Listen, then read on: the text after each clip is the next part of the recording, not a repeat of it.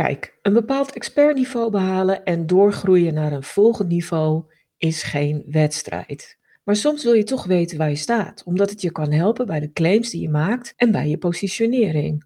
En belangrijker nog, het helpt je om te bepalen op welk vlak je stappen kunt zetten om naar een volgend expertniveau te groeien. Nu bestaan er voor zover ik weet geen wetenschappelijk vastgestelde expertniveaus. En het hangt ongetwijfeld ook af van je vakgebied. Maar gelukkig zijn er wel manieren om een idee te krijgen van je huidige expertniveau en hoe ver je nog af bent van het volgende niveau. Hoe dat zit en hoe je dat voor jezelf kunt bepalen, hoor je in deze aflevering van de 100% Expert Podcast. Mijn naam is Linda Krijns en als contentstratege help ik kennisprofessionals en bedrijven om hun expertise beter vindbaar en zichtbaar te maken.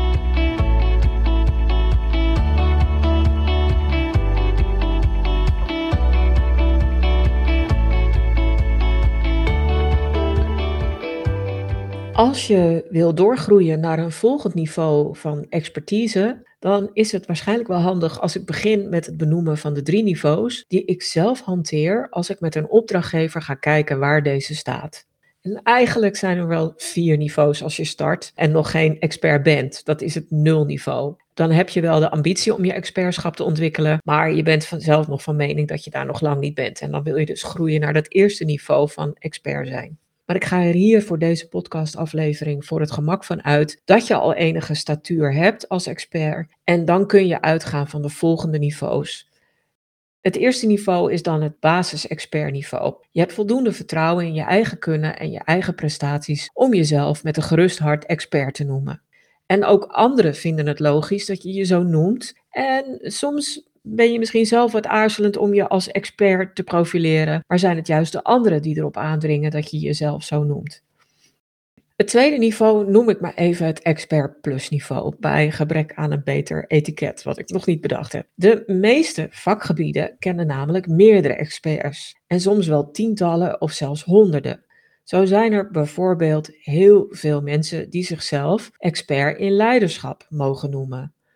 Maar binnen die honderden experts van leiderschap zijn er weer een paar experts die er bovenuit steken. Zij zijn beter zichtbaar en worden vaker gevraagd. Dus vandaar dat ik dat het expert plus niveau noem.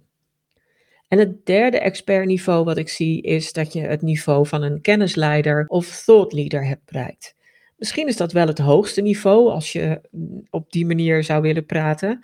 Maar eh, dit niveau heeft één heel belangrijk onderscheid met het expert plus niveau. En dat is dat een thought leader uh, vernieuwing brengt en een groot vernieuwend vermogen heeft, waar een expert plus dat niet per se of misschien wel helemaal niet doet en ook niet hoeft te doen per se.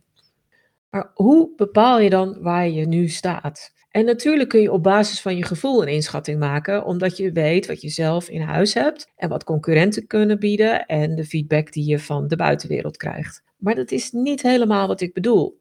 Want je geeft jezelf daarmee wel een label of een etiket, maar ja, hoeveel waarde heeft dat? Beetje gemeen, hè? Als je serieus wil groeien naar een volgend niveau in je expertschap, dan wil je denk ik ook weten aan welke knoppen je moet draaien.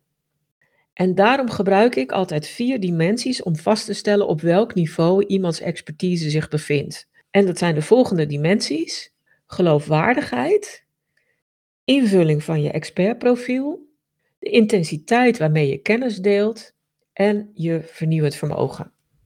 Om te beginnen met die eerste dimensie, geloofwaardigheid, dan ga je kijken hoe anderen jouw expertise, maar ook de beweringen die je doet, beoordelen.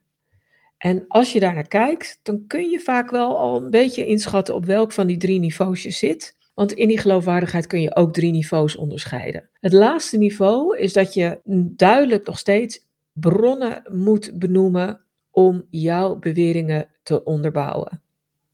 En niveautje hoger, dan merk je dat ook als je die bronnen niet benoemt, mensen wel aannemen wat je zegt. En het derde hoogste niveau qua geloofwaardigheid is dat je zelf als bron genoemd wordt, of dat je als bron geraadpleegd wordt door anderen, zoals journalisten of redacteuren. Dus zo zie je dat je daar in, in die dimensie van geloofwaardigheid drie niveaus kunt onderscheiden. De volgende dimensie is de invulling van je expertprofiel. Hoe bekend ben je als expert en welke kracht heeft je expertprofiel? Dat is lastiger te kwalificeren en eigenlijk nog lastiger om te kwantificeren. Maar ik doe altijd wel een poging. En dat wil ik ook hier in deze podcast met je delen. Want als ik het profiel van iemand bekijk om voor dit aspect het niveau in te schatten, dan let ik op een flink aantal zaken. Bijvoorbeeld, noem je jezelf expert? Want niet iedereen doet dat, maar het is wel een label wat je kunt toevoegen aan je profiel, zodat het duidelijker wordt. En als je jezelf dan expert noemt, hoe consistent en hoe duidelijk doe je dat dan?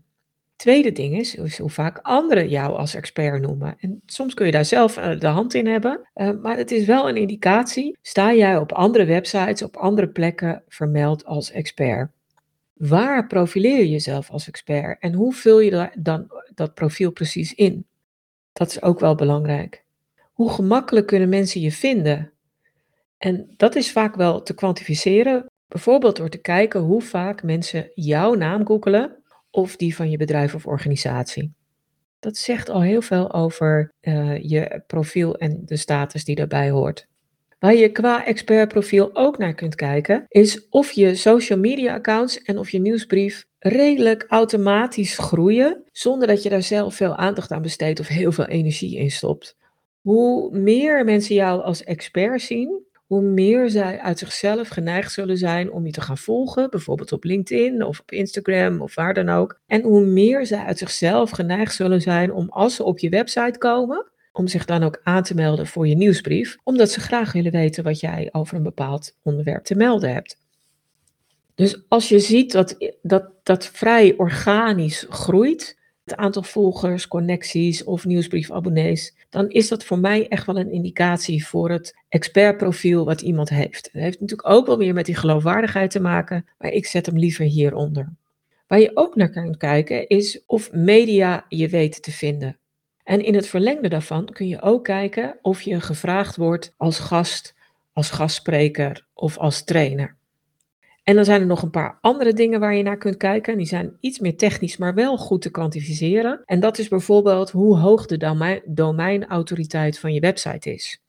En de domeinautoriteit is een, eigenlijk een label wat aan je website wordt gegeven. Daar zijn tools die dat kunnen doen. Het is niet een officieel label van Google, maar er zijn externe tools waarmee je de domeinautoriteit van een website kunt vaststellen. En dat is een getal tussen 0 en 100. En daar kun je dus ook criteria aan verbinden dat hoe sterker iemands profiel is als expert, en het kan een persoon zijn het kan een bedrijf zijn, maar dan kijk je dus naar de website, hoe sterker dat profiel is, hoe hoger over het algemeen de domeinautoriteit zal zijn. Dus omgekeerd ben ik dan zo gemeen dat ik ook naar die domeinautoriteit kijk om op wat objectiever vast te kunnen stellen hoe duidelijk het expertprofiel is van iemand of van een organisatie.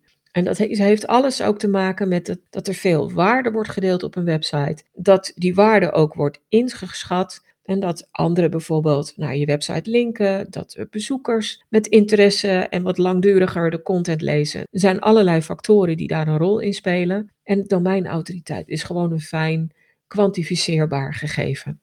Wat ook een kwantificeerbaar gegeven is, is hoeveel andere websites, andere partijen naar jouw website linken en dan kun je ook weer kijken van, wat, wat zijn dat dan voor websites?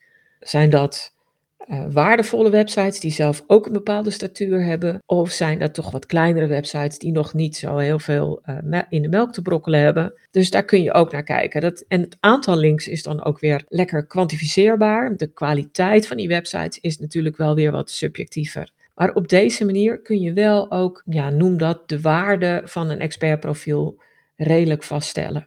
En de derde dimensie is de intensiteit waarmee je als expert kennis deelt. Om gezien te worden, maar zeker om als expert of, of als kennisleider gezien te worden, moet je content delen die duidelijk maakt wat je in huis hebt.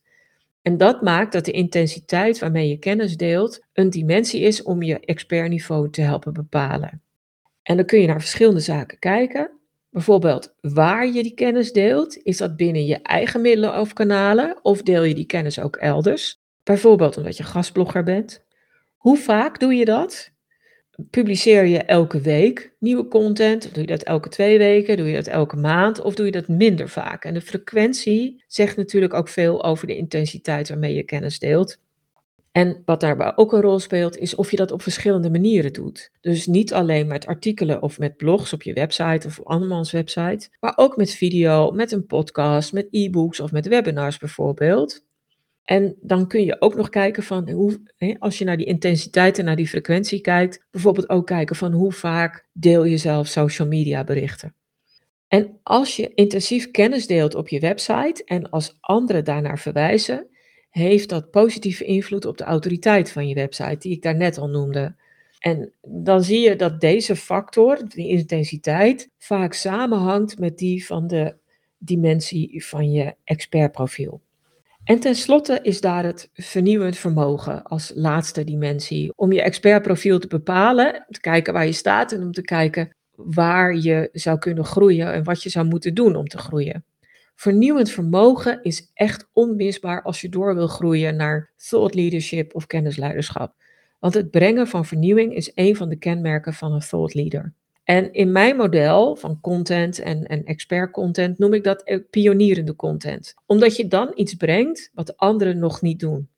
Nou, hoe vertaal je die vernieuwing dan naar de verschillende niveaus die ik, die ik eerder gaf, hè, als eh, eh, de expertniveaus? Dus expertniveau, expert plus of kennisleider. Dat is best lastig, maar ik hanteer wel daar een aantal grenzen in. Als expert heb je een originele en soms afwijkende kijk op dingen. En soms introduceer je een nieuwe invalshoek. En hoewel die wel bijval krijgt, wordt die nog niet door anderen overgenomen of omarmd. En een niveau hoger, expert plus, kom je met nieuwe methoden, concepten of processen. En als je die deelt, krijg je bijval en merk je dat mensen het ook verder delen. Ze omarmen je nieuwe ideeën dus meer en gebruiken die zelf ook. En het hoogste niveau van kennisleider of thought leader, dan breng je niet alleen nieuwe elementen, zoals een expert plus, maar verstoor je jouw vakgebied af en toe met je inzichten en aanpak. Je hebt ook structureel meer tijd, middelen en budget vrijgemaakt voor eigen onderzoek dan de expert plus. En dan helemaal dan de gewone, tussen aanhalingstekens, expert.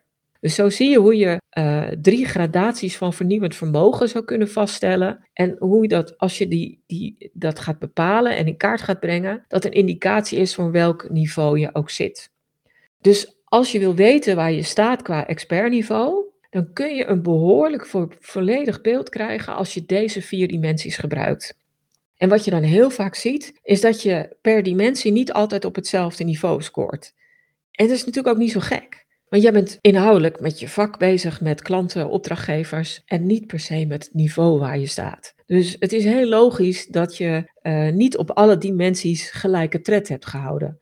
Zo kun je je profiel goed op orde hebben en behoorlijk intensief kennis delen, maar ben je mogelijk nog niet heel erg vernieuwend, puur omdat dat nog weinig aandacht van je heeft gekregen. En dat kan, als je dan niet uh, heel gelijkwaardig scoort op die vier dimensies, is dat helemaal geen probleem.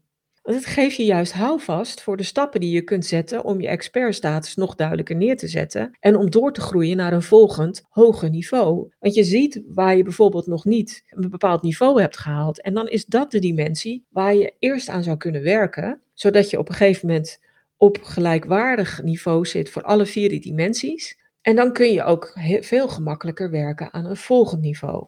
Dus ik hoop dat je hiermee een beeld gekregen hebt van de verschillende expertniveaus en de dimensies waar je naar kunt kijken en van de plek waar je nu staat.